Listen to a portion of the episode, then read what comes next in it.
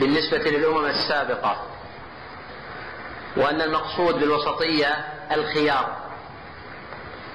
وقد اتفق المفسرون على معنى قول الله جل وعلا وكذلك جعلناكم أمة وسطا أي خيارا. وأن الوسط يطلق على معنيين وعلى أكثر. أشهرهما التوسط بين الشيئين. ولا يختلف العلماء أن هذه الأمة هي آخر الأمم وأكرمها على الله. إذا ينتفي القول بأنه التوسط بين الشيئين في هذا الموضع.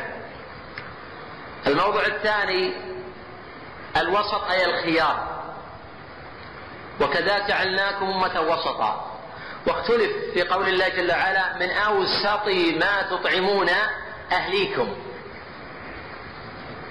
قال بعض العلماء من أوسط ما تطعمون أهليكم كفارة اليمين أي من أفضل وأزكى وأخير ما تطعمون الأهل. وقال بعض العلماء من أوسط يعني من التوسط. وقال بعض العلماء من أوسط أي من التوسط. وهذا الذي ذكره الشوكاني وغيره من العلماء.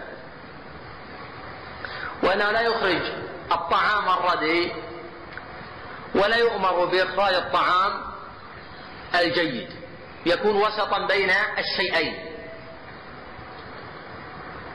لأن الله جل وعلا لما نفى الخبيث علم أن ما عداه جائز. قال الله جل وعلا ولا تيمموا الخبيث منه تنفقون ولستم بآخذيه. ولا تيمموا الخبيث. ما معنى ولا تيمموا؟ تقصدوا. تقصدوا. شو دليل على التيمم في اللغة يطلق على القصد.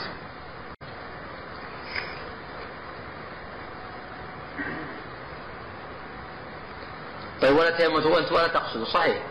الخبيث ما معنى الخبيث هنا؟ الحرام؟ رديء الرديء صحيح. طيب الخبيث يطلق على عدة معاني. ما هي؟ كم الرديء؟ يطلق على الرديء كما في هذا الموطن. على المحرم. ويطلق على المحرم. على النجس.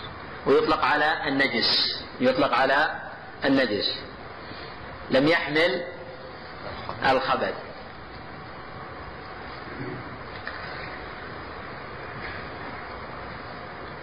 قال الشيخ رحمه الله تعالى في بيان مكانة أهل السنة والجماعة بين فرق الأمة. قال فهم وسط أي على المعنيين. وسط بمعنى الخيار وسط بمعنى التوسط بين الشيئين. إذا فأهل السنة وسط في باب صفات الله تعالى بين أهل التعطيل الجهمية وأهل التمثيل المشبهة. أهل التعطيل هم الذين يخلون الله جل وعلا عن أسمائه وصفاته. ولا يعوضون ذلك بمعنى آخر. من قول العرب في لغتها جيد عطل. جيد عطل. حين يصفون المرأة إذا لم يكن في عنقها قلادة ولا غيرها يقول هذا جيد عطل. بمعنى خالي من الزنا. فالتعطيل يسمون بهذا الاسم ومعطل يسمون بهذا الاسم لكونهم يعطلون الله عن أسمائه وصفاته الثابتة له بالكتاب والسنة. وهذا اللفظ يطلق على الجهمية لأنهم الذين ينفون أسماء الله وصفاته. ويطلق على طوائف من المعتزلة الذين يقولون إن الله سميع بلا سمع عليم بلا علم. ويطلق على الأشاعرة من وجه دون وجه. من وجه نفي اللفظ الحقيقي ولا يطلق من وجه آخر لأنهم يسمون محرفة يعتبرون عن لفظ بلفظ آخر وعن معنى بمعنى آخر. فهو يطلق عليه من وجه دون وجه. قول الجهمية نسبة إلى الجهم ابن صفوان.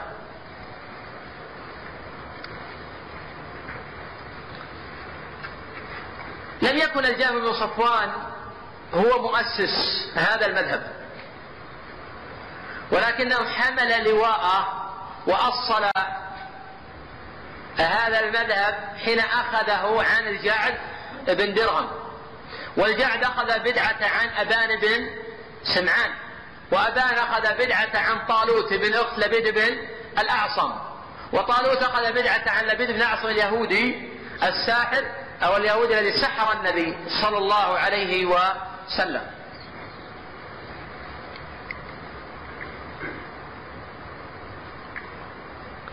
نسبت بدعة الجهمية إلى الجهم لأنه هو الذي قعد هذا المذهب.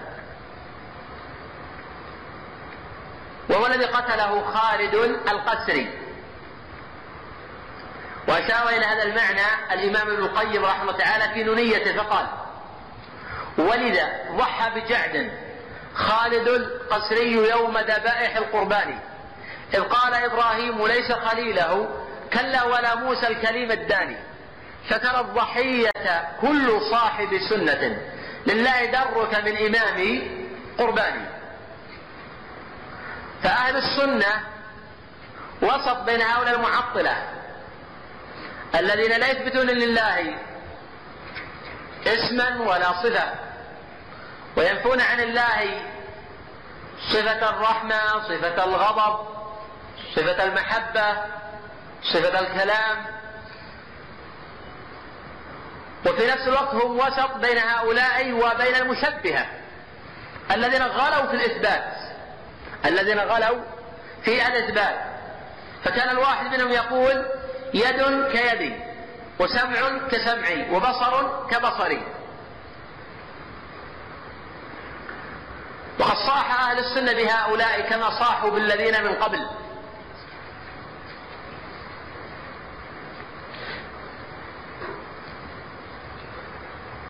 وقد تحدث الإمام ابن القيم رحمه الله تعالى في مختصر الصواعق وغيره من كتبه عن الأحاديث الواردة عن النبي صلى الله عليه وسلم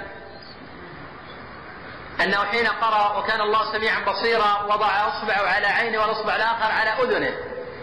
قال ابن القيم رحمه الله تعالى يراد من ذلك بيان حقيقة الصفة ونفي المجاز. يراد من ذلك بيان حقيقة الصفة ونفي المجاز. المشبه يحتجون بهذا. يقول النبي صلى الله عليه وسلم أشار باصبعه إلى عينه وإلى اذنه الاتفاق قائم كما ذكره ابن القيم بأن المقصود بيان الحقيقة لأن ما ليس كمثله شيء فلا يقاس بخلقه. وسع كرسي السماوات والأرض الذي وسع كرسي هذا موضع القدمين.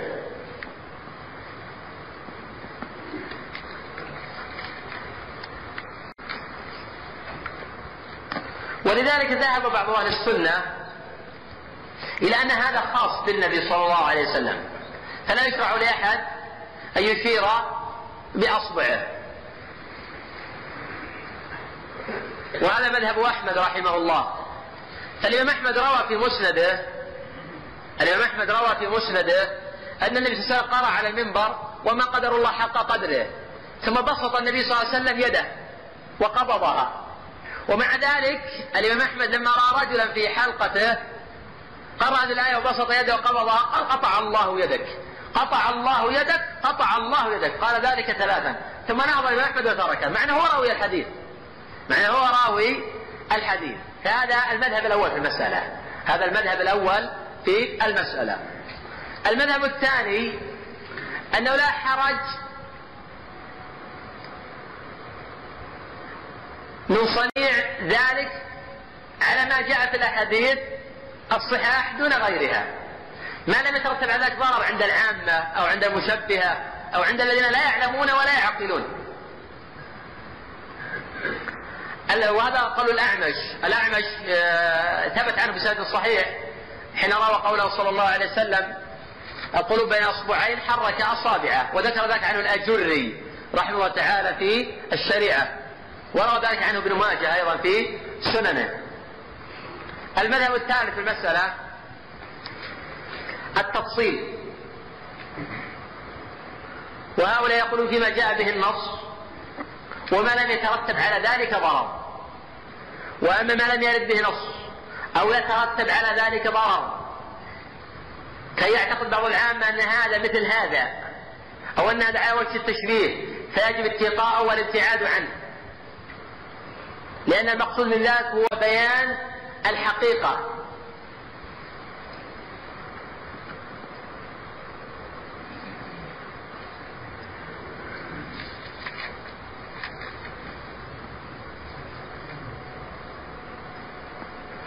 قال نعيم بن حماد الخزاعي رحمه الله تعالى من شبه الله بخلقه فهو يعبد وثنا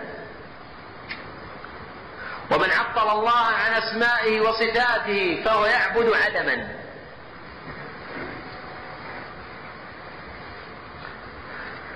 وحقيقة مذهب المشبهه التعطيل. لأنهم يشبهون الخالق بالمخلوق ويعطلون الخالق عن أسمائه وصفاته.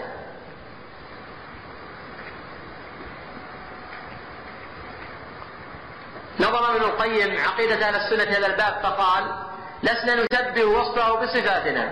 إن المشبه عابد الأوثان. كلا ولا نخليه من أوصافه إن المعطل عابد البهتان. من شبه الرحمن العظيم بخلقه فهو الشبيه لمشرك نصراني. أو عطل الرحمن عن أوصافه فهو الكفور وليس ذا الإيمان. قوله وهم وسط أي خيار وفي نفس الوقت من التوسط بين الشيئين. في باب أفعال الله بين الجبرية والقدرية. الأصل في الجبرية بسكون الباء الأصل في الجبرية بسكون الباء. هذا الأصح لغة. الجبرية. ولكن ذهب بعض أهل اللغة بأن الجبرية إذا قرئت بالقدرية تفتح الباء تخفيفا. تفتح الباء تخفيفا. الجبرية, الجبرية والقدرية.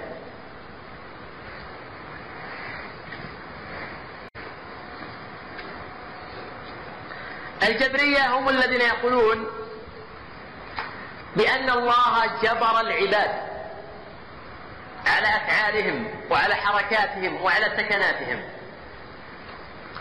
وقد غلا منهم طائفة فقالوا لأن كل ما يفعله العبد محبوب لله لأن الله هو الذي جبر على ذلك. وحينئذ يكون الشرك والبدع والمعاصي والذنوب والفاحشة محبوبة لله. وغال من هؤلاء طائفة أيضا. قالوا إنما أفعله عن فعل الله. من الذي جبرني على هذا. وهذا أقبح وأقبح. وهذا يفيدنا فائدة مهمة. أن البدعة تؤول بصاحبها إلى مخالفة النقل والعقل وإلى الكفر. وذاك أهل السنة يقولون البريد أن المعا... آه، البدعة بريد الكفر. وأهل السنة لا يقولون بأن الله جبر ولا أن الله لم يجبر ويتكلمون بالجبل بأن الله جبل العباد. وحين أتى رجل الأوزاعي أو تحاكم الأوزاعي رجلان هذا يقول بأن الله جبر العباد يقول أن الله لم يجبر العباد.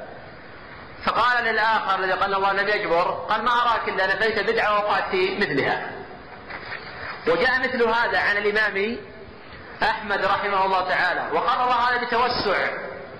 شيخ الإسلام ابن تيمية رحمه الله تعالى في الفتاوى.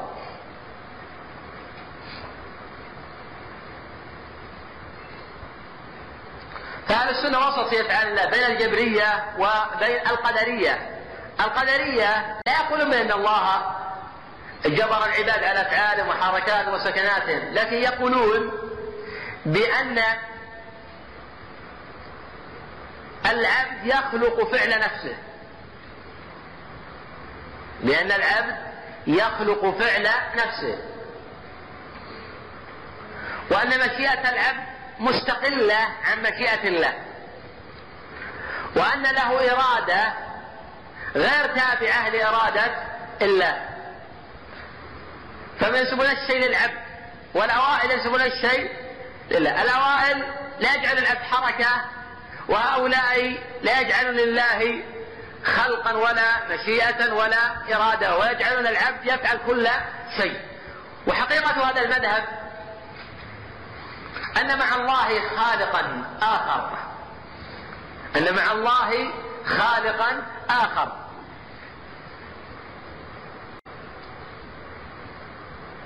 أهل السنة وسط بين هؤلاء وهؤلاء. يقولون بأن للعبد فعلا وبأن للعبد إرادة وبأن للعبد مشيئة ولكن هذه المشيئة تابعة لمشيئة الله. والله خلقكم وما تعملون. الله خلق العبد خلق فعله ولكنه خيره وبين له طريق الخير وطريق الشر. قال تعالى وهديناه النجدين قيل المعنى أي بين له طريق الخير من طريق الشر.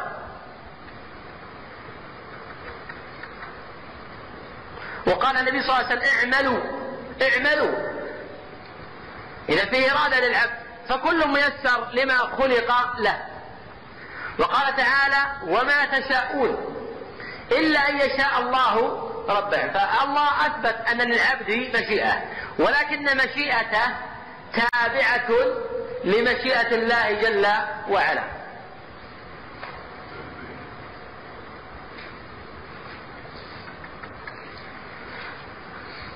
ومنه يتضح معنى الآثار الواردة بأن القدرية مجوس هذه الأمة. الأحاديث الواردة عن النبي صلى الله عليه وسلم في كون القدرية مجوس هذه الأمة معلولة. والصواب وقفها على الصحابة رضي الله عنهم. ولا يصح من المرفوع شيء. ومعنى هذا أن المجوس جعلوا للعالم خالقين. خالق النور وخالق الظلمة. خالق النور وخالق الظلمة. ولكنهم لا يسوون هذا الخالق بذاك الخالق. يجعلون خالق النور أعظم من خالق الظلمة. ونفس الأمر للقدرية. يقولون العبد يخلق فعل نفسه. إذا جعلوا مع الله خالقا آخر. فهم من هذه الحيثية يشابهون المجوس. ولا يسوون بين الخالقين. قوله وفي باب وعيد الله أي أهل السنة وسط خيار ومن التوسط أيضا بين الشيئين. في باب وعيد الله أي الأحاديث والآيات الدالة على الوعيد. كقول صلى الله عليه وسلم لا يدخل الجنة قاطع رحم. كقوله وكقول الله جل وعلا فأولئك أصحاب النار هم فيها خالدون. وغير ذلك من أدلة الوعيد. بين المرجئة. والمرجئة طوائف. والحديث هنا عن الذين يقولون لا يضر مع الإيمان ذنب. لا يضر مع الإيمان ذنب.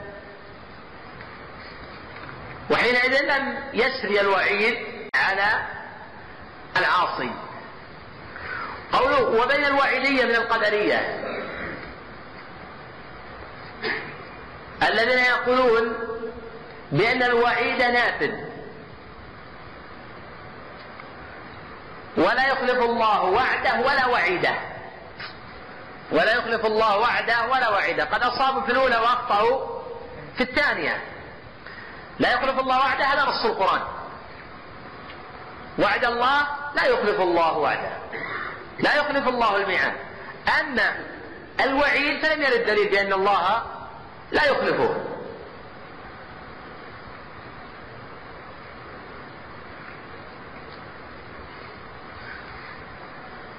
وهذا الباب مرتبط بالجملة بعدها وذلك في قوله باب أسماء الإيمان والدين.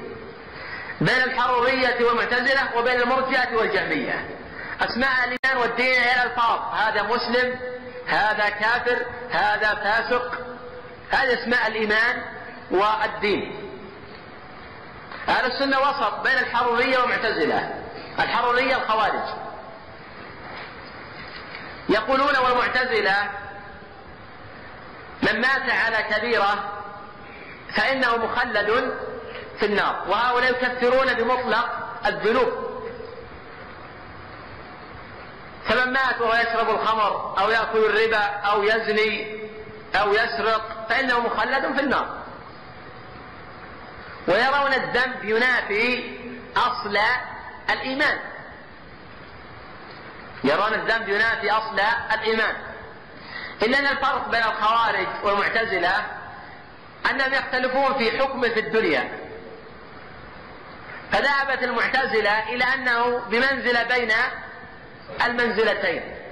وذهبت الخوارج بأنه جثى من جثى جهنم في الدنيا والآخرة وأنه مخلد في النار. وهؤلاء يكابرون في أحاديث الشفاعة وهي أكثر ما يقال عنها بالتواتر. من كثرتها ومجيئها من طرق متعددة. وهم يكابرون في هذه الأحاديث. ولا يؤمنون بذلك. وهؤلاء لا يقبلون أخبار الأحاد وذا قال بعض العلماء بأن الخوارج والمعتزلة يحكمون على أنفسهم بالخلود في النار. لأنهم هم أهل الكبائر وهم حماة الشر. فالخوارج هم الذين خرجوا في بداية أمرهم على عثمان ثم قاتلوا عليا وقاتلهم وانتصر عليهم. والمعتزلة هم الذين يحرفون الكلمة عن مواضعه. ويقولون عن اسماء عن أسماء الله جل وعلا بانه سميع بلا سمع بصير بلا بصر. وهذا من أكبر الكبائر. قوله وبين المرجئة والجهمية. المرجئة يقولون لا يضر مع الإيمان ذنب وأن الإيمان عندهم قول واعتقاد. وهذا طائفة منهم. ولا طائفة من المرجئة يقولون بأن الإيمان هو مجرد اعتقاد ومعرفة. فليس بقول ولا بعمل. والمرجئة طوائف والجهمية. ولذلك العلماء يقولون عن غلاة المرجئة بأنهم جهمية. الذين يقولون عن الإيمان بأنه مجرد معرفة. وهذا يعني عند أهل السنة أو في إلزامات أهل السنة لهؤلاء أن يكون إبليس مؤمنا لأنه عارف إذا كان مجرد معرفة عارف. يقول فبعزتك لأغوينهم أجمعين. ويقول رب أنظرني إلى يوم يبعثون.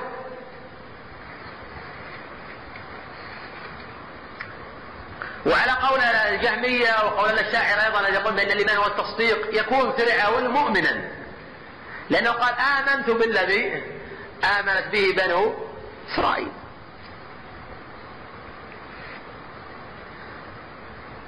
فهذا مجرد معرفة مجرد تصديق. فأهل السنة وسط بين هؤلاء وهؤلاء. بين الذين يفكرون بمطلق الذنوب وبين الذين يقولون إن الإيمان مجرد معرفة أو تصديق ولا يضر مع الإيمان ذنب وأهل السنة يقولون بين الذنوب ثلاثة أنواع. أهل السنة يقول بين الذنوب ثلاثة أنواع. النوع الأول ذنب ينافي أصل الإيمان. ذنب ينافي أصل الإيمان ويخرج من الملة. كالشرك ودعاء غير الله والذبح والنذر لغير الله أو سب الله أو سب رسوله صلى الله عليه وسلم سبا صريحا عياذا بالله من ذلك. أو الاستهزاء الصريح بالدين. ونحو ذلك. النوع الثاني ذنب ينافي كمال الإيمان الواجب. وهذا له مرتبتان. المرتبة الأولى أن يوجب الفسق المرتبة الثانية أن يوجب العصيان. لأن الله فرق بين هذا وذاك فقال الله جل وعلا كره عليكم الكفر والفسوق والعصيان. وكره عليكم الكفر والفسوق والعصيان. والفسق جاء في القرآن على معنيين. والفسق جاء في القرآن على معنيين. فسق مخرج من الملة. وهو الكثير في القرآن. وفسق لا يخرج من الملة. كقول الله جل وعلا يا أيها الذين آمنوا إن جاءكم فاسق بنبأ فتبين هذا من النوع الذي لا يخرج عن الملة. وهو الإخبار بخلاف الصدق. وخلاف الواقع. ومثل من ذلك عند أهل السنة الزنا شرب الخمر. أكل الربا. النمص. لأن نجد لعنة فاعلة. وما ختم بغضب أو لعنة أو وعيد شديد وغير ذلك مما لا ينافي أصل الإيمان فلا يكفر فاعله. مهما فعل. ما لم يستحل ذلك. يعني مهما شرب من الخمر أو أدمن لا يكفر. مهما أكل من الربا لا يكفر. مهما زنى لا يكفر.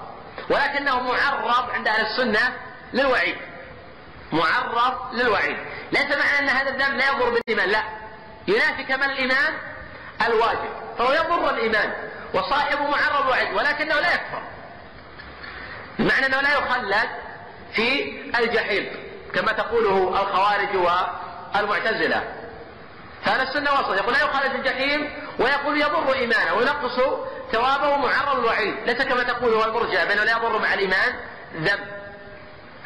القسم الثالث الذنب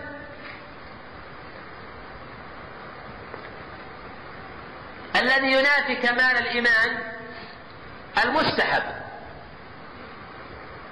من ذلك المكروه لأنه يطلق عليه بأنه ذنب. ولكنه لا ينافي كمال الإيمان الواجب. وممكن يقال ما ينافي كمال الإيمان الواجب من البدع والقسم الثالث ما ينافي كمال الواجب من الفسق.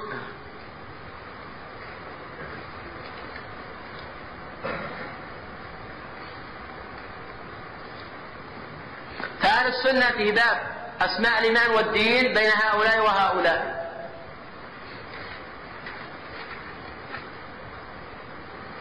وفي نفس الوقت يحرصون على ضبط هذا الباب وتأصيله وحماية جنابه وربطه بالعلم دون الجهل.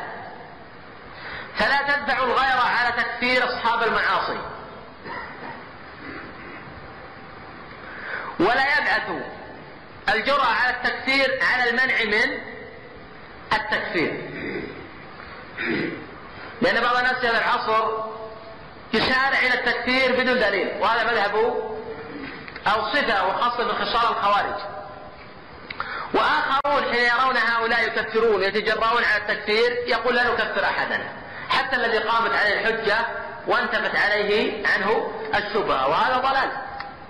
وهذا ضلال. فكل من قامت عليه حجة وانتفت عنه الشبهة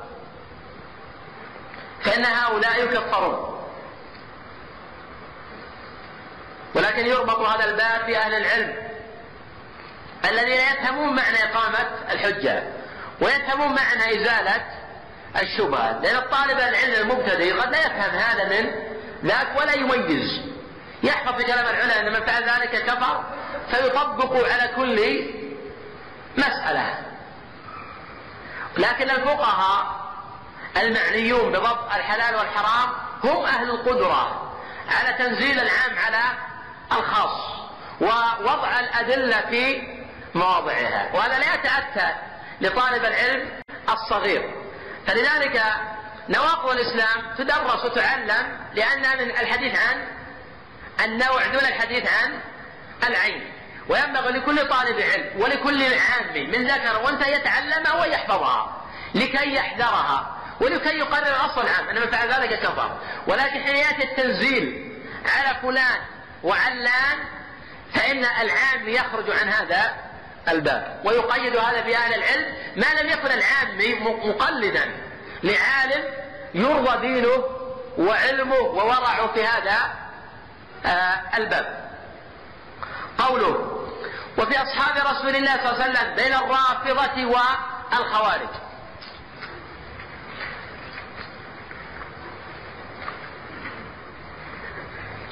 أي أيوة أهل السنة وسط أي خيار. وأيضا من التوسط بين الشيئين.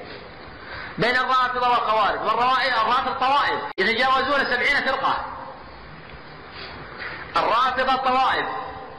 يتجاوزون سبعين فرقة. فأهل السنة وسط بين الرافضة الذين يغلون في آل البيت.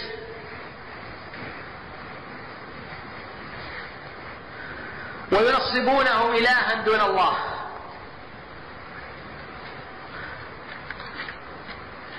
وبين الخوارج والنواصب. الذين لا يتولون آل البيت أو يبدعونهم ويضللونهم أو يكثرونهم كما صنعت الخوارج. فأهل السنة وسط بين هؤلاء وبين هؤلاء.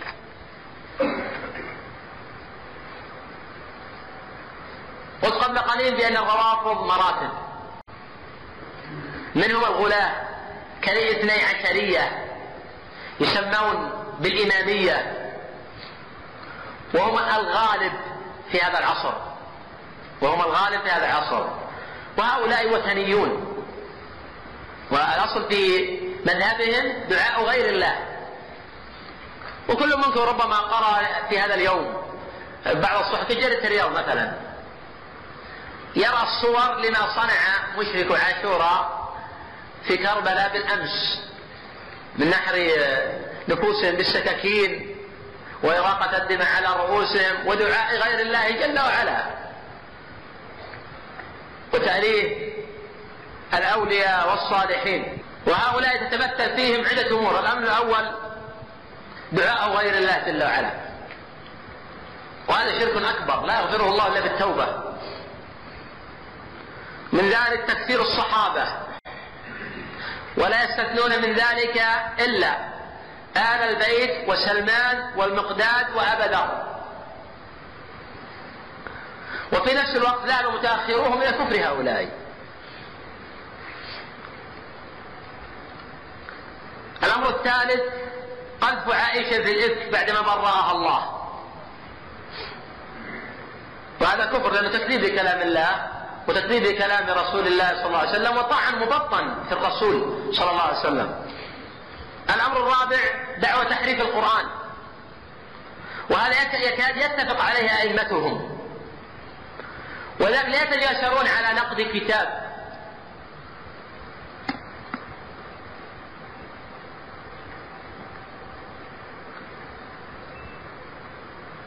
ولا لا يتجسرون على نقد كتاب أحد شياطينهم. في دعوة تحريف كلام الله جل وعلا. المعنون بعنوان رفع الارتياب ويقال أيضا فصل الخطاب في تحريف كلام رب الأرباب. وهذا مطبوع ومتداول وبقوة في بلاد الرافضة. ولا يتجاسرون على نقده ولا على الرد عليه. بل ذهب بعضهم إلى أن المؤلف مجتهد. الأمر الخامس أنهم لا يؤمنون بأسماء الله وصفاته أبدا ولذلك لا يوجد هذا في كتبهم أبدا ملغى هذا الباب. لأنه معطلة في هذا الباب.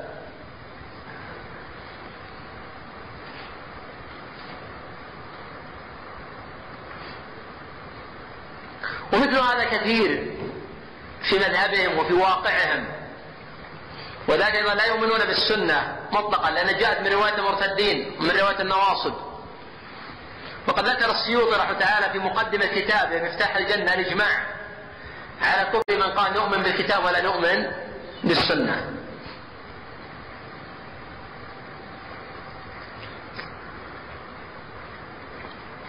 وفي أيضا أمور كثيرة جدا في التناقض في مذاهبهم وضلالهم وانحرافهم. وأنا ما أنصح الناس باليهود ولذلك أنصح الأخوة بقراءة كتاب بذل المجهود. في مشابهة الرافضة لليهود.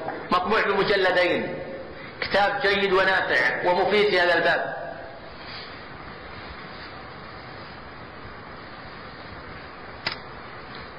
وأما الخوارج فقد أخبر النبي صلى الله عليه وسلم عنهم. وأمر بالحذر منهم. وأمر بقتالهم. فخرجوا على علي رضي الله عنه. فقاتلهم مع بقية الصحابة رضي الله عنهم. لأن هؤلاء يكفرون بمطلق الذنوب. زيادة على هذا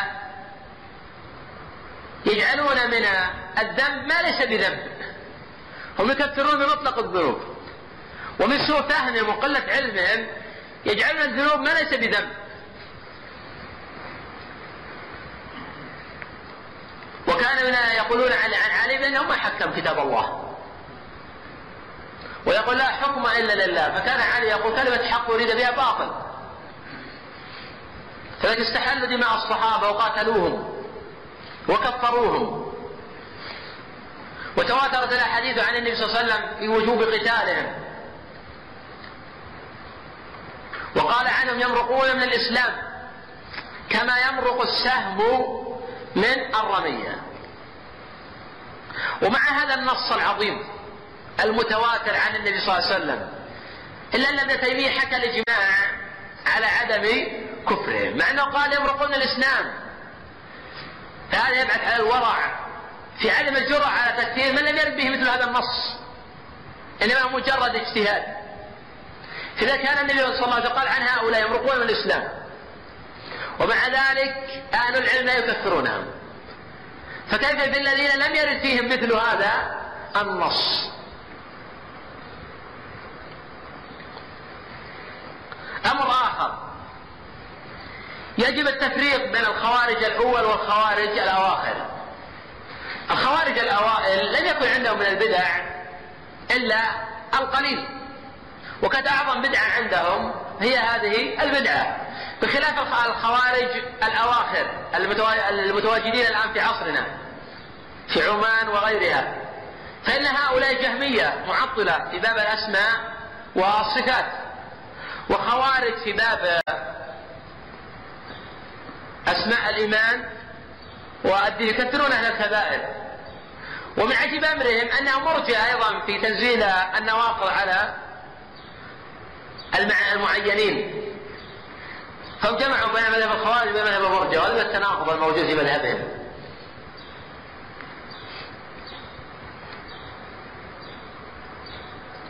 ولذلك ذهب بعض العلماء إلى تكفير الخوارج الأواخر دون الأوائل. وهذا ذهب إليه الشاطبي والقرطبي والسبكي وغير هؤلاء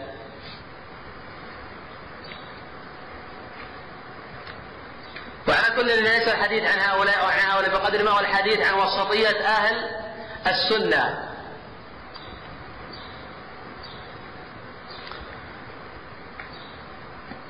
وقد أخبر النبي صلى الله عليه وسلم عن وجود الاختلاف وأنه كثير وليس بقليل. وأوجب متابعة الصحابة. فقال صلى الله عليه وسلم في حديث العرباط وهو حديث جيد رواه الأربعة وغيرهم. إنه من يعش منكم فسيرى اختلافا كثيرا. فعليكم بسنتي وسنة الخلفاء الراشدين. فعليكم بسنتي وسنة الخلفاء الراشدين. هذا من أعظم الردود على الرافضة. فلا يجعلنا الصحابة مرتدين. كيف يكونوا مرتدين وقد أمر وسلم باتباعهم والسير على منهاجهم والاقتداء بآثارهم وضرورة تعظيمهم واحترامهم والاقتداء بهم. وفي نفس الوقت قال عضوا عليها بالنواجذ. وإياكم محدثات الأمور.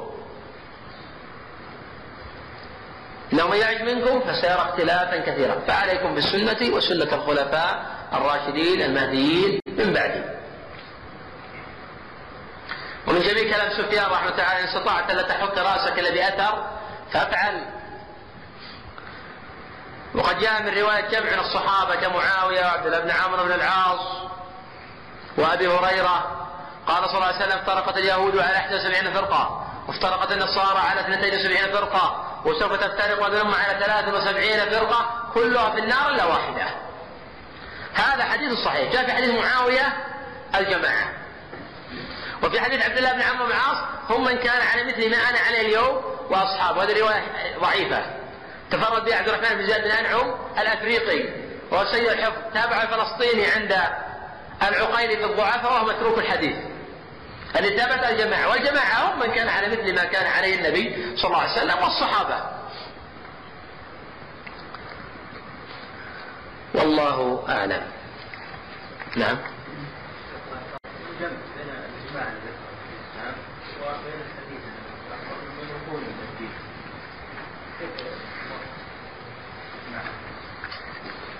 يحمل قوله صلى الله عليه وسلم يمرقون من الإسلام إن الأمر يؤول به من المروق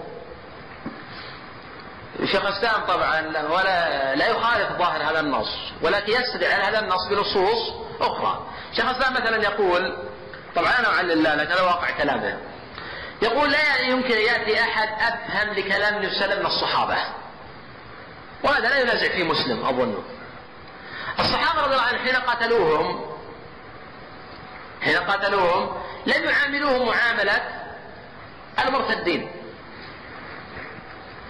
ولم يفتي صحابي قط بتطليق نسائهم.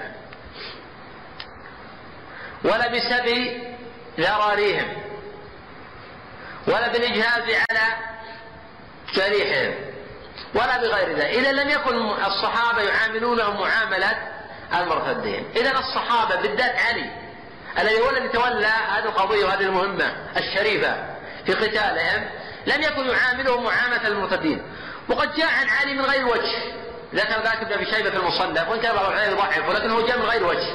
يعني يمكن يحسن بمجموع الطرق والشواهد. انه قيل لعلي أكفارهم قال من الكفر فروا. قيل المنافقون قال المنافقون لا الله إلا قليلا. قيل من هم؟ قال إخواننا بغوا علينا. لأن بعض العلماء يرى أن هذه المقوله قالها في غزوة صفين والجمل. ولكن صاب انه قالها في الخوارج. لكن يبقى التحقيق في صحة هذا الإسناد وعلى كل لا يضرنا هذا الأثر. بقدر ما يهمنا تعامل علي رضي الله عنه مع هؤلاء. لم يكن يكفرهم. فالشيخ الإسلام يقول الصحابة فهموا من النص أنه على لمطلق الوعيد. لمطلق الوعيد وأنه لا يقتضي تكفيرهم يمرقون الإسلام يؤول الأمر إلى المروق من الإسلام. ولذلك بعض العلماء ذهب إلى إلى تكفير الغلاة منهم.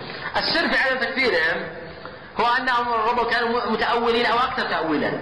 وذلك بعض ذهب بعض العلماء وهو الثالث في المسألة إلى أن المنطلق الذي ينطلقون منه هو منطلق كفري. مجرد تكفير الصحابه يعد كفرا.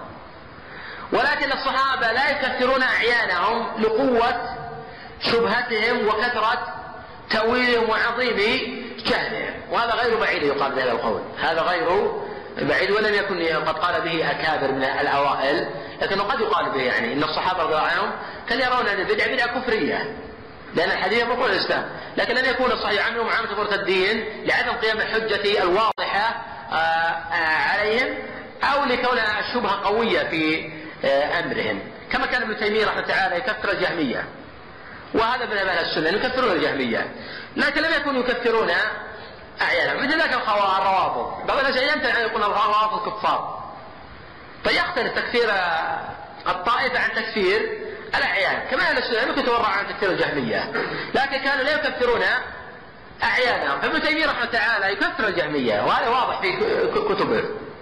ولكن لم يكن يكفر أعيانهم حتى تقوم عليهم الحجة وتنتفي عنهم الشيء. وفي نفس الوقت حين ناظر علماءهم والدعاة منهم والخطباء قال رحمه الله لهم أنا لو قلت بقولكم لكفرت. أنا لو قلت بقولكم لكفرت ولكنكم لتكفرون عندي. لماذا؟ لأنهم جهال عنده ومتأولون ولم تقم عليهم. طيب ابن تيمية كان يصنع معهم؟ كان يناظرهم ويزيل الشبهة عنهم.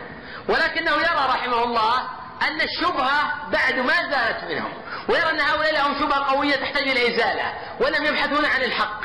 فلذلك امتنع عن تكفيرهم لأنه يرى أنهم يبحثون عن الحق. ما كانوا عن عناد ولا كانوا عن خبث. فذلك يرى أن الشبهة ما زالت عنهم. فذلك لا اتصور ان أنه قد يوجد أحد يقيم الحجة ويزيل الشبهه أقوى من شيخ الإسلام ابن تيمية رحمه الله. وفي نفس الوقت لا يبعث هذا على الامتناع عن التكفير من في من قامت عنه عليه الحجة وزالت عنه الشبهة. يعني بعض الناس يتورع عن تكفير من ادعى النبوة. وآخر يتورع عن تكفير من قال إن الله والشيطان والشان عمله واحدة. هذا ماذا يبقى هذا. هذا ماذا يبقى. وفي نفس الوقت نوظر وقيمت على الحجه وزاد عن الشبهه ويتبجح فيما بعد ويخرج مقالا يقول أنا بطل مروياتي. مثل هذا ألو... هذا هذا القدع لا ورع في تكفيره. والعامة يقلدون العلماء العامة يقلدون العلماء. لكن هذا واضح قامت على الحجة ودفت عن الشبهه وفي نفس الوقت يعاند. يختلف عن رجل هو منطلق ديني. فلذلك أيضا كان الباب يفصل بين من كان منطلقه دينيا. ويتأول. وبين من كان ليس له منطلق وليس له أصلا آه، عقيدة يتمسك بها يقول ما يهوى. ويكتب ما يريد. ويتحدث بما يحب. دون ربط ذلك لا بدليل لا من الكتاب ولا من السنة. وهذا يعني فصل فيه بين امتناع النحو من تكثير المأمور ونحو ذلك لأنه كانت لهم شبهة. وكان ينطلقون من منطلق ديني. بخلاف من ليس له منطلق آه، ديني أصلا. هو يفعل ما يريد يعني يقول من الكفر لكفر ولا يبالي. فهو عبد هواه. فمثل هذا لا يلتمس له التأويل. بخلاف من كان له شبهة أو عنده تأويل لا يلتمس بالذات من المنتسبين للعلم والدين ونحو ذلك. بخلاف الذين لا ينتسبون لا لعلم ولا آه لدين. كما قال عنهم ابن حزم يقول والله لو كان في عبادة الصلبان تمشي لأمورهم لبادروا إليها مهطعين. نعم. الفرق بين البغاة والخوارج. في فرق بين البغاة والخوارج. وهذا الحقيقة من الأشياء التي وجدت في هذا العصر ووجد خلط فيها. فالخوارج هم الذين يكثرون بمطلق الذنوب كما تقدم الحديث عنهم. أما البغاة فليسوا بخوارج. البغاة الذين يخرجون على الإمام بالسلاح هذا لا يسمون خوارج يسمون آه، بغاة. وذلك أجمع العلماء على أنه ينظر في شبههم وينظر في مطالبهم وتحقق إن كانت شرعية. الآن وجد هذا العصر خلط للجهل أو للهوى. للجهل أو للهوى. يسمون هؤلاء خوارج وهذا ليس بصحيح ليس له أصل. ليس له أصل. نعم. اي نعم. هؤلاء قامت عليهم الحجة وانتفت عنهم الشبهه ولا إشكال فيهم هؤلاء. كان الإنسان عندها مبدأ سني في التكفير لا يكفر إلا المكفر. لكنه لا يعتبر الشروط هذا يسمى خارجي. شلون لا يعني يرى أن هذه الشروط لاغية؟ يعني لا يكفر يقول من والد الكفار فهو كافر هذا الأصل. يعني, يعني حتى الشخص يقول عنه كافر أي نعم. طيب ماذا يقول عن حاطب؟ هذا هذا هذا يسمى خارجي لا ليس بخارجي لكنه جاهل هذا. ليس بخارجي لكنه جاهل. وأنا دائما أنصح الاخوان ما عنده علم لا يتكلم في القرآن هذه قضايا كبيرة. العجيب أن بعض الناس الآن ما يتجاسر يفتي في الحيض. لو سئل عن امرأة تجاوزت أيام عادتها والدم نفس الدم قال ما أدري. سئل عن مسألة الصلاة ما درى. سئل عن مسألة الطلاق ما درى. طيب إذا كنت ما تدري عن الأمور كيف تدري عن الأمور الكبيرة؟ إخراج العبد عن الإسلام. إذا كان لا يدري عن أمور الصلاة والطلاق ويدري عن أمور التكفير هذا ضلال وجرأة عظيمة وهذا في الحقيقة موجود في واقعنا الآن. شباب يتجرؤون عن التكفير وهم بعد ما يحسنون الفتوى في الصلاة والصيام ونحو ذلك. نعم. هل يصح عن الامام احمد انها مر على قبر المامون فقال ذاك مر بقبر الكافر اي نعم هذا نعم مر بقبر المامون قبل على قبر الكافر نعم هذا موجود في كتاب السنة للخلال نعم. اي نعم صحيح سند صحيح الامام احمد لعله الامام احمد ما كفر في حياته يخشى أن تقوم فتنة ويحمل السلاح فوق الدماء فلما توفي وزاد الفتنه كفر على الامام احمد. والله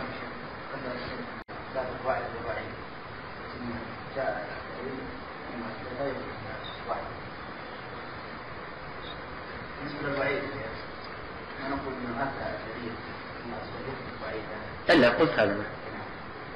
فقررت هذا. قلت أنا لا أقول على السنة كما ذكر ابن القيم عنهم في عدة مراجع من كتب الكشف العليل وغير ذلك. نعم. حديث ما يقرا الله سبحانه وتعالى قدمه جهنم. نعم. وبين قوله تعالى قال لا تقسموا لدي وقد قدمت اليكم المواعيد نعم. آه، ما يبدل القول لديكم وما وما يعني الكفار. لا يخلف وعيده الكفار بلا شك.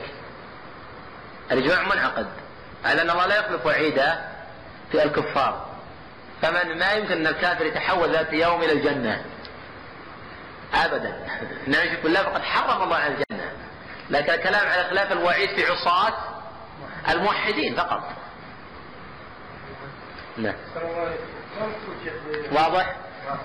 نعم.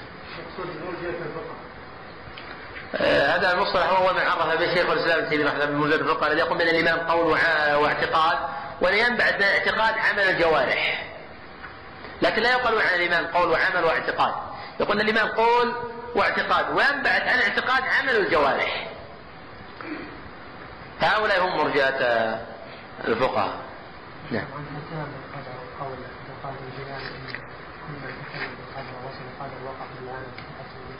القدر الصوت. طبعا الكلام بالقدر وقول العلماء به وقول ابي القادر الجيلاني كل العلماء يعني أو كل من تكلم بالقدر احجم الا أنا في الغوزه نعم. هو صحيح آه، طبعا الحديث عن القدر كان السلف آه، يتحاشون الحديث عنه بكثرة. لأنه في الحقيقة مزلة آه، أقدام ومظلة أفهام. والحديث عنه يحتاج إلى علم واسع وفقه وإيمان قوي. وذلك ما كتب عنه من الأوائل إلا قلة ونوادر. بل يعد كتاب ابن القيم هو الوحيد آه، في باب القدر التفصيلي. بخلاف الكتب آه، الأخرى مجرد سرد أحاديث وآيات. لكن إمام فصل فيه من الأوائل هو الوحيد ابن القيم رحمه الله تعالى. وبين هذا الباب وأنه باب كبير وخطير يحتاج إلى فهم وإلى آه، علم وإلى آه، اطلاع. الأوائل يحكمون عنه. فكما قال أبو خالد إذا كما تفضلت نعم الأوائل كانوا يحكمون عنه وأتكلم فيه بمعنى وضحت بعض الأشياء ممن أحكم عنه الأوائل. وفي نفس الوقت في بعض تكلم عنه وضل فيه. ما أحسن هذا الباب. ولذلك الآن يوجد إلى عصرنا هذا. بعض الناس يضل حتى من أهل السنة في باب القدر. ولذلك يحتجون بالقدر على فعل المعصية. وهذا من الضلال في باب القدر. عند مراد الله تفلك ميتا وعند مراد النفس تسلي وتلهم وعند خلاف الأمر تحتج بالقضاء ظهيرا على الرحمن للجبر. تزعمون؟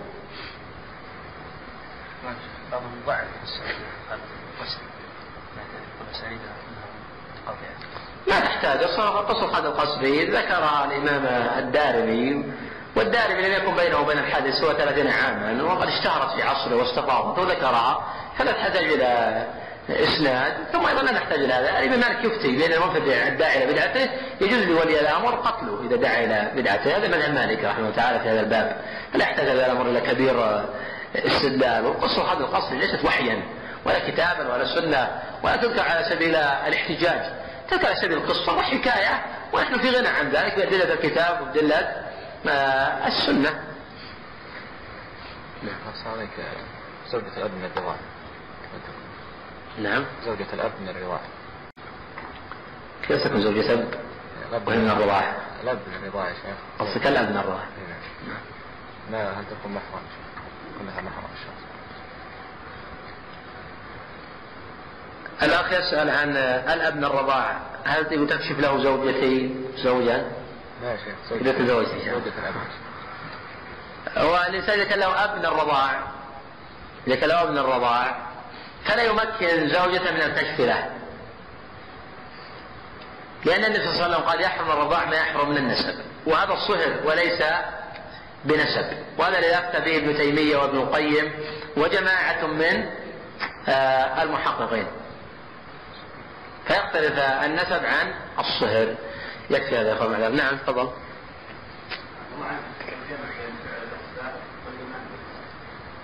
هو لابد من فعل الأسباب وفعل الأسباب من التوكل على الله ومن الإيمان بالقدر. أعظم الناس إيمانا بالقدر هو النبي صلى الله عليه وسلم. وفي نفس الوقت كان يسارع إلى فعل الأسباب وكان يلبس لأمة في آه، الحروب وليس من الإيمان بال- بال- بالقدر الإنسان يدع الاسباب لأن هذا قدح في التوحيد كما قال ابن تيمية الاعتماد على الاسباب في التوحيد وترك الأسباب قدح في التوحيد. الإسلام ابن تيمية رحمه الله تعالى في حديثه عن إثبات الأسماء والصفات وتوضيح بعض المعاني الواردة في هذا الباب وبيان أنه لا تناقض بين علوه وفوقيته وبين معيته لخلقه. فقال رحمه الله تعالى فصل. الفصل هو الحاجز بين الشيئين. الفصل هو الحاجز بين الشيئين. يؤتى به للانتقال من اسلوب إلى اسلوب آخر. وقد يؤتى به ويكون الثاني بمعنى الأول. لأن الكلام إذا طال سرده بدون فصل أورث الملل والسآمة. فكان هذا الفصل لشحذ الهمم وصرف الأنظار. وقد يؤتى بالفصل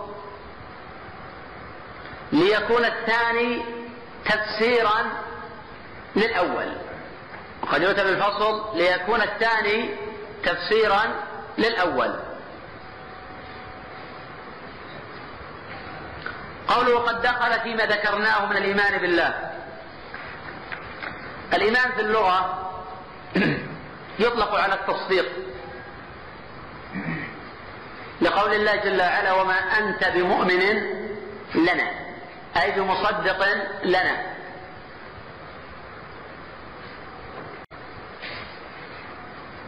وفي الشرع هو قول وعمل. قول القلب واللسان وعمل القلب واللسان والجوارح.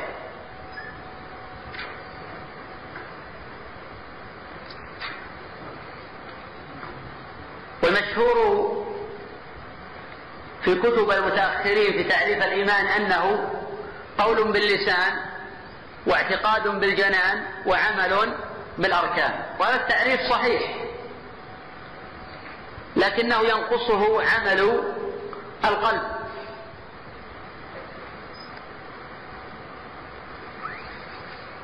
يقول الإمام البخاري رحمه الله تعالى أدركت ألف شيخ وهم يقولون الإيمان قول وعمل. ولذلك لم يذكر ابن تيمية رحمه تعالى في العقيدة إلا القول المجمع عليه. قول وعمل قول القلب واللسان وعمل القلب واللسان والجوارح. وهو الذي نصر في كتابه الإيمان. بخلاف القول الآخر أولا لم يتفق عليه ثانيا فيه نقص.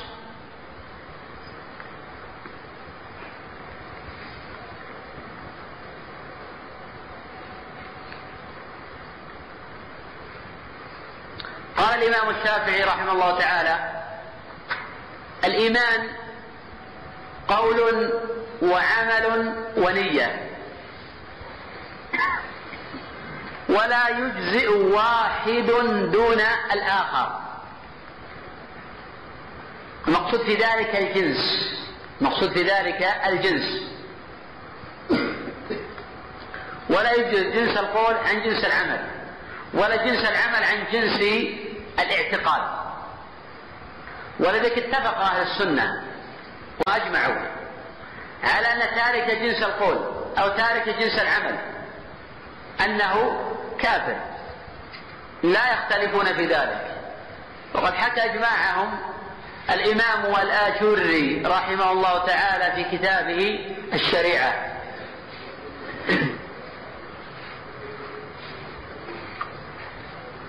قوله الإيمان الإيمان هنا فاعل. دخل فعل الماضي والإيمان فاعل. بما أخبر الله به في كتابه وتواتر عن رسوله صلى الله عليه وسلم. المتواتر هو ما صح إسناده إلى رسول الله صلى الله عليه وسلم وتلقاه العلماء بالقبول. هذا الصافي مع المتواتر. وقال بعض العلماء المتواتر ما رواه بضعة عشر وقال آخرون ما رواه ما لا يقلون عن أربعين وقال آخرون ما رواه ما لا يقلون عن ثلاثمائة وبضعة عشر كعدد أصحاب طالوت.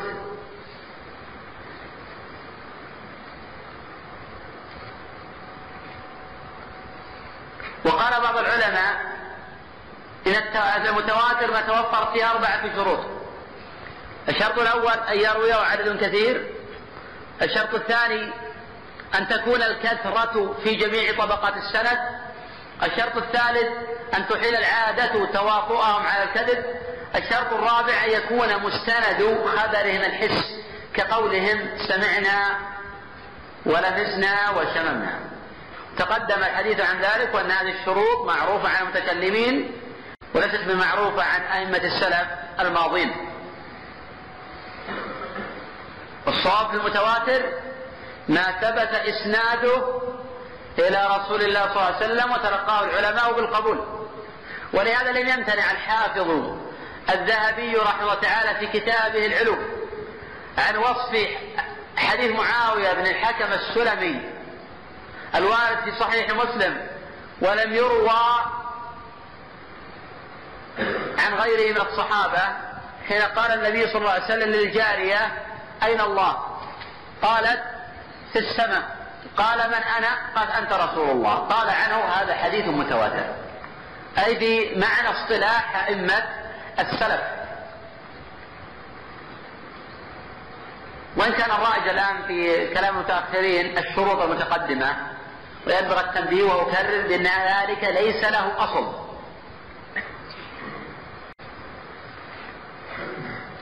ولذلك إذا أردنا أن لا نقول بتعريف الإمام أحمد وجماعة بينما تلقى العلماء بالقبول نقول ما جاء من غير وجه واتفق العلماء على تصحيح ذلك. ولا يقيد هذا بعدد معين. وأهل السنة يؤمنون بكل ما أخبر الله عنه في كتابه من الإيمان بالله وملائكته وكتبه والرسل والنبيين ومن الإيمان بالدابة أخرجنا لهم دابة من الأرض تكلمهم ومن الإيمان بنزول عيسى ابن مريم. كما أخبر الله جل وعلا عن نزوله وتواترت بذلك الأحاديث عن رسول الله صلى الله عليه وسلم. وقد جاء في صحيح مسلم والذي نفسي بيده ليهلن ابن مريم بفج الروحاء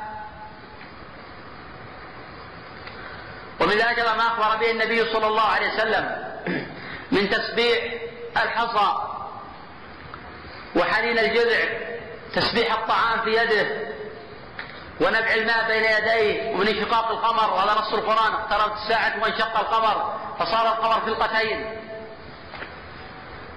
وغير ذلك مما أخبر الله عنه في كتابه أو تواتر عن النبي صلى الله عليه وسلم. فأهل السنة يؤمنون بذلك. ويصدقون. وقد كان من أعظم الناس تصديقا هو أبو بكر الصديق ولا سمي بالصديق. وحين أتى إليه كفار قريش يريدون التشويش على إيمانه فقال له أحدهم يا أبا بكر صاحبك يزعم بأنه أسري به في ليلة وصلى بالأمن في بيت المقدس وذهب إلى السماوات السبع في ليلة واحدة أتصدق؟ قال إن كان قد قال فنعم صدق. فسمي بعد ذلك أبو بكر الصديق. وقد قيل في قول الله جل وعلا والذي جاء بالصدق وصدق به. والذي جاء بالصدق هو محمد صلى الله عليه وسلم. وصدق به هو أبو بكر الصديق.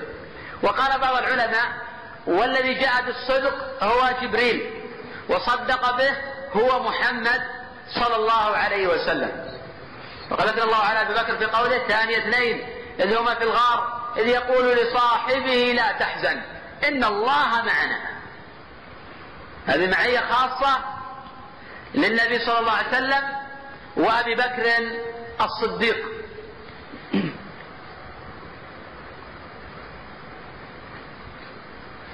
قوله وأجمع عليه سلف الأمة. الأصل الأول الكتاب. قال صلى الله عليه وسلم إني تارك فيكم ما إن تمسكتم به لن تضلوا كتاب الله. رواه مسلم. الأصل الثاني السنة.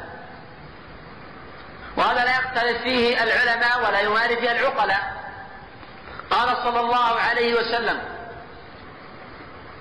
إنه من يعش منكم فسيرى اختلافا كثيرا فعليكم بسنتي فعليكم بسنتي وسنة الخلفاء الراشدين المهديين من بعدي تمسكوا بها وعضوا عليها بالنواجذ وإياكم محدثات الأمور.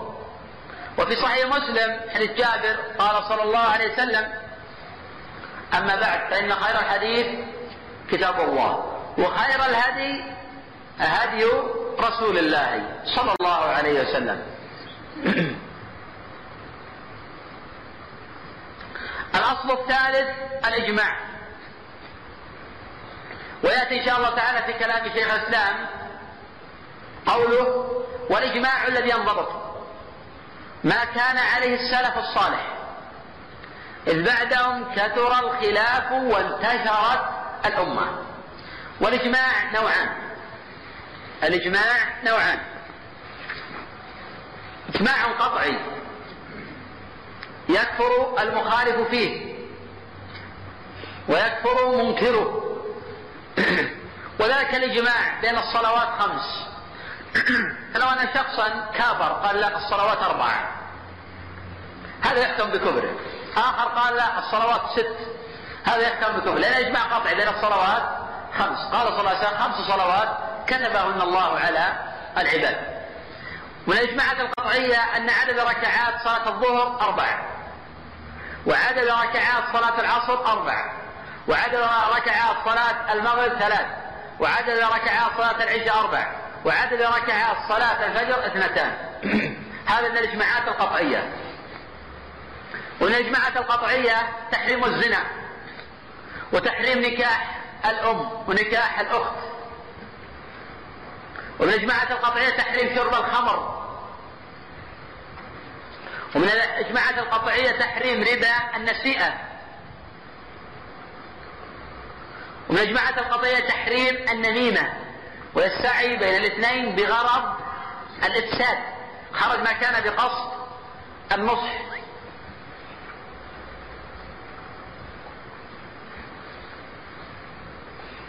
هذه إجماعات قطعية لا يختلف في شيء منها العلماء. يؤمنون بذلك ويؤمنون بهذا الإجماع. النوع الثاني إجماع ظني وليس بقطعي. إجماع ظني وليس بقطعي. وهذا ما يعبر عنه بعض الفقهاء كابن قدامة في المغني رحمه الله. يقول لا أعلم في ذلك خلافا ولا أحفظ عن أحد من العلماء خالف وغير ذلك من الألفاظ المشعرة بالبعد عن القطع بذلك.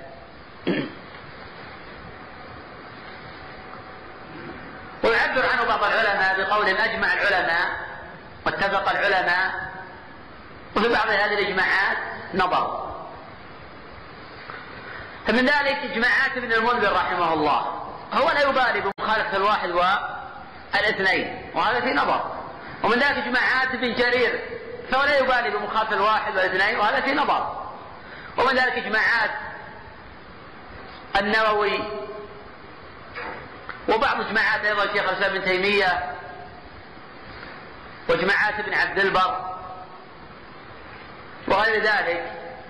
هذه لا تكون صحيحة من كل وجه. وهذا من الإجماعات الظنية وليست من الإجماعات القطعية التي لا يختلف فيها العلماء. هذه الإجماعات لا يكفر المخالف فيها. وبعض العلماء يرى التعبير بقول ابن قدامة لا أعلم في خلافا وتحاشي لفظة الإجماع. ومنه قول الإمام أحمد من ادعى الإجماع فقد كذب وما يدريه لعلهم اختلفوا. وليس معنى هذا أن لا يحتل الإجماع في مثل هذه الأبواب. لأنه قد يتواطأ العلماء على قول. فيحكى في ذلك الإجماع. وذكر الشافعي يجمع العلماء على أن من استبانت له سنة رسول الله صلى الله عليه وسلم لم يكن له أن يدعها لقول أحد.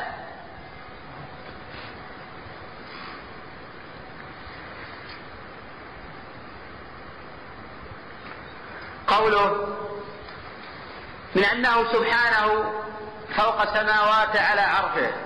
هذا من الإجماعات القطعية. دل على ذلك الكتاب والسنة وأجمع العلماء. كما قال ذلك ابن عبد البر وقبله ابن خزيمة وبعده الطلمنكي وغير هؤلاء. يحكون الإجماع على أن الله فوق سماواته مستو على عرشه.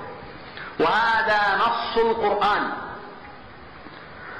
إذا قيل هذا نص كذا وكذا ماذا يعني النص؟ ما معنى النص؟ أجل ما معنى النص؟ ما الدليل نعم. ما الدليل أنت قرأت الأصول علم الأصول علم أصول الفقه قرأته؟ طيب جيد. ما معنى النص؟ ما الدليل نعم. الدليل؟ إذا سنقول هذا القرآن. هذا دليل القرآن. ليش نقول نص؟ ما معنى النص؟ ما يجيب إلا الذين اختاروا. ما معنى النص؟ لا ما معنى النص. لا ما معنى النص. الأخ ما معنى النص. إذا قيل هذا نص هذا نص القرآن. هذا نص السنة. نعم. قول القرآن. طيب في أشياء قول القرآن ويختلف فيها العلماء. قد يكون هذا بفهمك.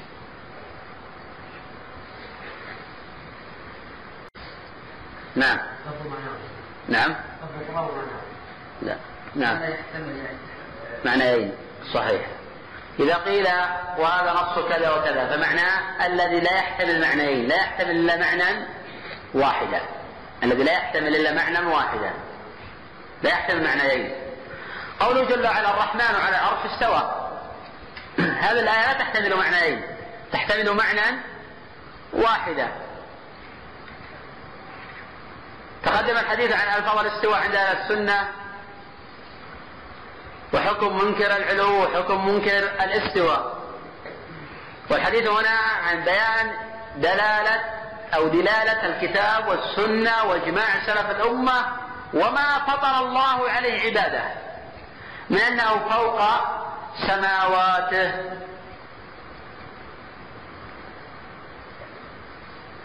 قوله جل وعلا علي على خلقه.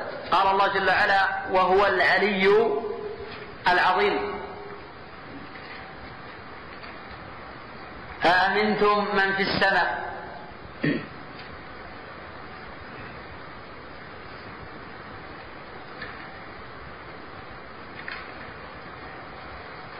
ولذلك موسى كان يدعو فرعون إلى ربه الذي في السماء. فذا قال فرعون يا هامان ابن لي صرحا. لعلي أطلع إلى إله موسى وإني لأظنه لا يامن لي صرحا لعلي ابلغ أسباب أسباب السماوات والأرض فأطلع إلى إله موسى. وذا قال العلماء من أثبت العلو فهو موسى محمدي انه على الفطرة. ومن أنكر العلو فإنه فرعوني. لأن فرعون هو الذي كابر في العلو. يقول وإني لأظنه كاذبا. فرعون يقول وإني لأظنه كاذبا.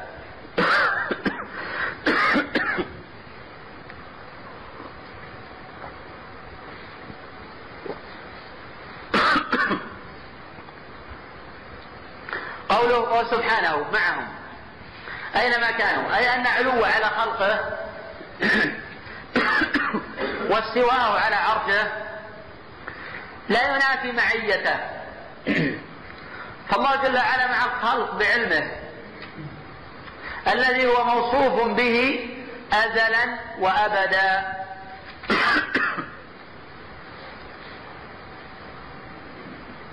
أينما كانوا وحيثما حلوا. والمعية نوعان.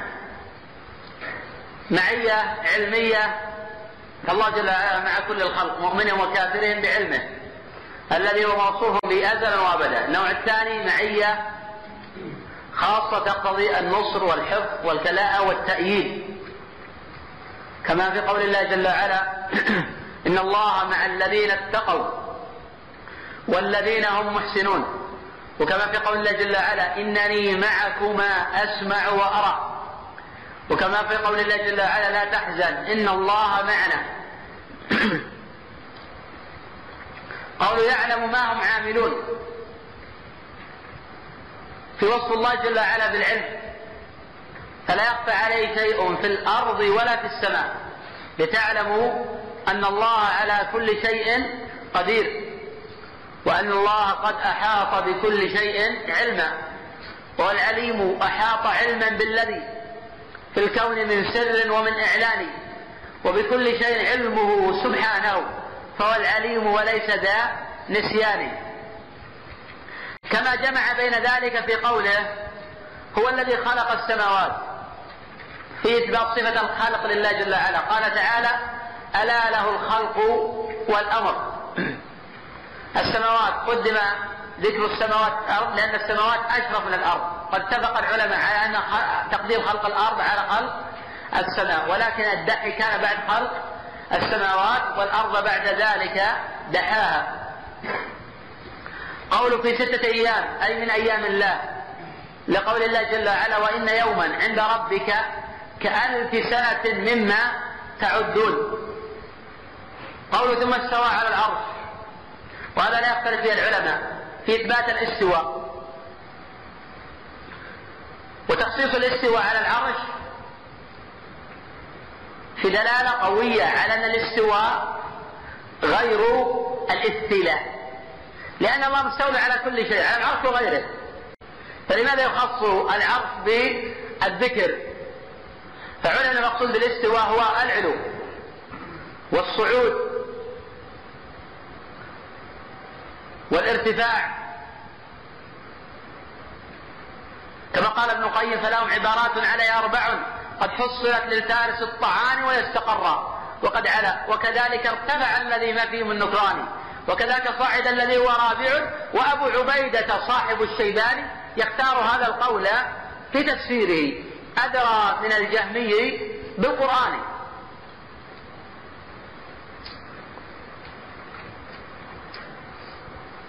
ويؤخذ من أيضا من الاستواء إثبات العلو لله جل وعلا. ويؤخذ من ذلك أيضا إثبات صفة القدرة. ويؤخذ من ذلك أيضا إثبات صفة الأفعال الاختيارية لله. يؤخذ من ذلك إثبات صفة الأفعال الاختيارية لله. ويؤخذ من ذلك أنه لا تنافي بين علمه ومعيته وبين علوه على خلقه. لأن الله جل وعلا قال يعلم ما يلج في الأرض. لما ذكر العلم قال يعلم. لبين لا تنافي بين هذا وذاك.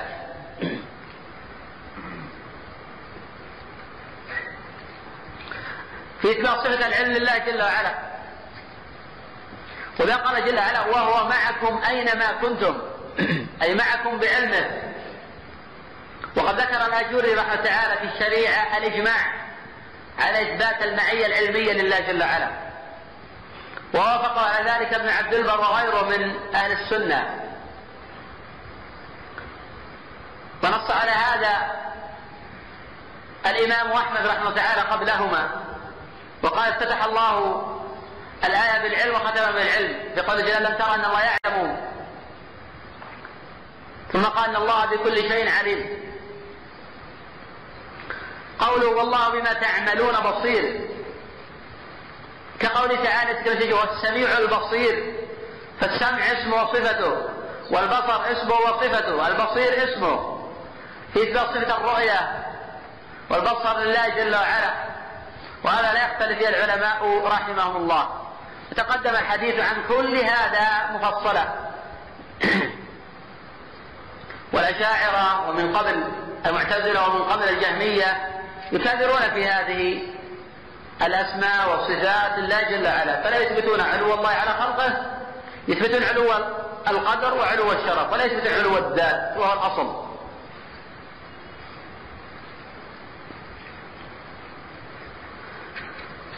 قال الشيخ رحمه الله تعالى وليس معنى قوله وهو معكم أنه مختلط بالخلق. أي كما يفهمه بعض أغبياء العالم. الذين لا يفهمون من المعية إلا الاختلاط. فهؤلاء لا يعون شرعا ولا يفقهون لغة. اتفق العقلاء وأهل البيان وأهل اللغة أن قول العبد زوجتي معي لا يعني أنها مختلطة به ولا يقول ذلك حتى المجنون لا يقوله. إنما يقول ذلك من طبع الله على قلبه وأعمى بصيرته. واجتالته الشياطين عن فطرته. العرب تقول في لغتها زوجتي معي وليس معنى حالة في ذاته أو هو حال في ذاتها. هذا لا يتأتى لا عقلا ولا شرعا. فقوله معكم أي بعلمه لأن الله قال ثم استوى على العرش يعلم وقال وهو معكم. فالآية صريحة في دلالتها وسياقها وبيانها أن علوه واستواء على عرش لا ينافي. علما واطلاعه على أحوال عباده ولا ينافي معيته لهم.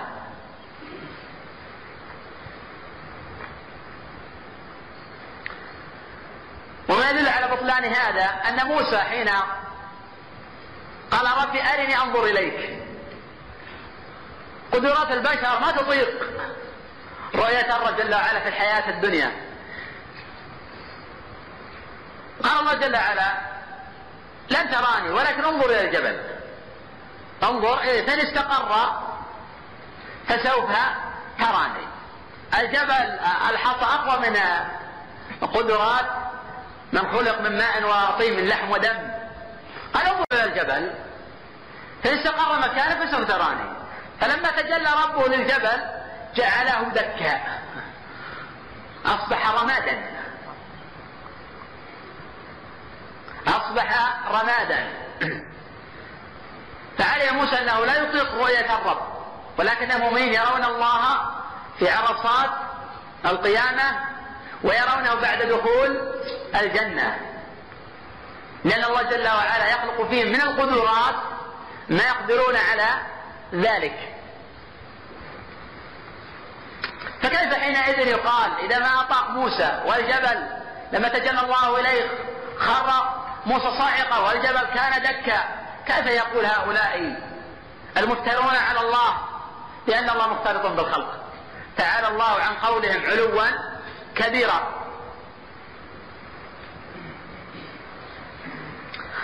وإذا قال الشيخ رحمه الله تعالى فإن هذا لا توجبه اللغة. فإن هذا لا توجبه اللغة. لأن اللغة تنفي أن يكون معنى قول العبد زوجتي معي أو أخي معي أو أنا معكم أن يكون مختلطا بين أو حالا أو ممتزجا في ذواتهم.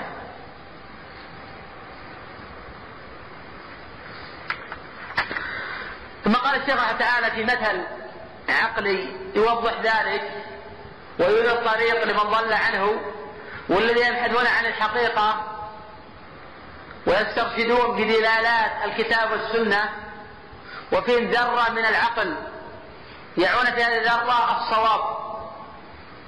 قال الشيخ بل القمر آية من أصغر مخلوقاته. لم يقل الشيخ أصغر قال من أصغر؟ من أصغر لأنه لا مقارنة بين حجم الشمس وحجم القمر. الشيخ قال من أصغر مخلوقاته. وهو موضوع في السماء. ليس معنى موضوع في السماء كالمسمار في الخشبة. هذا باطل. قال الله جل وعلا تبارك الذي جعل في السماء بروجا وجعل فيها سراجا وقمرا منيرا. أجعل في السماء.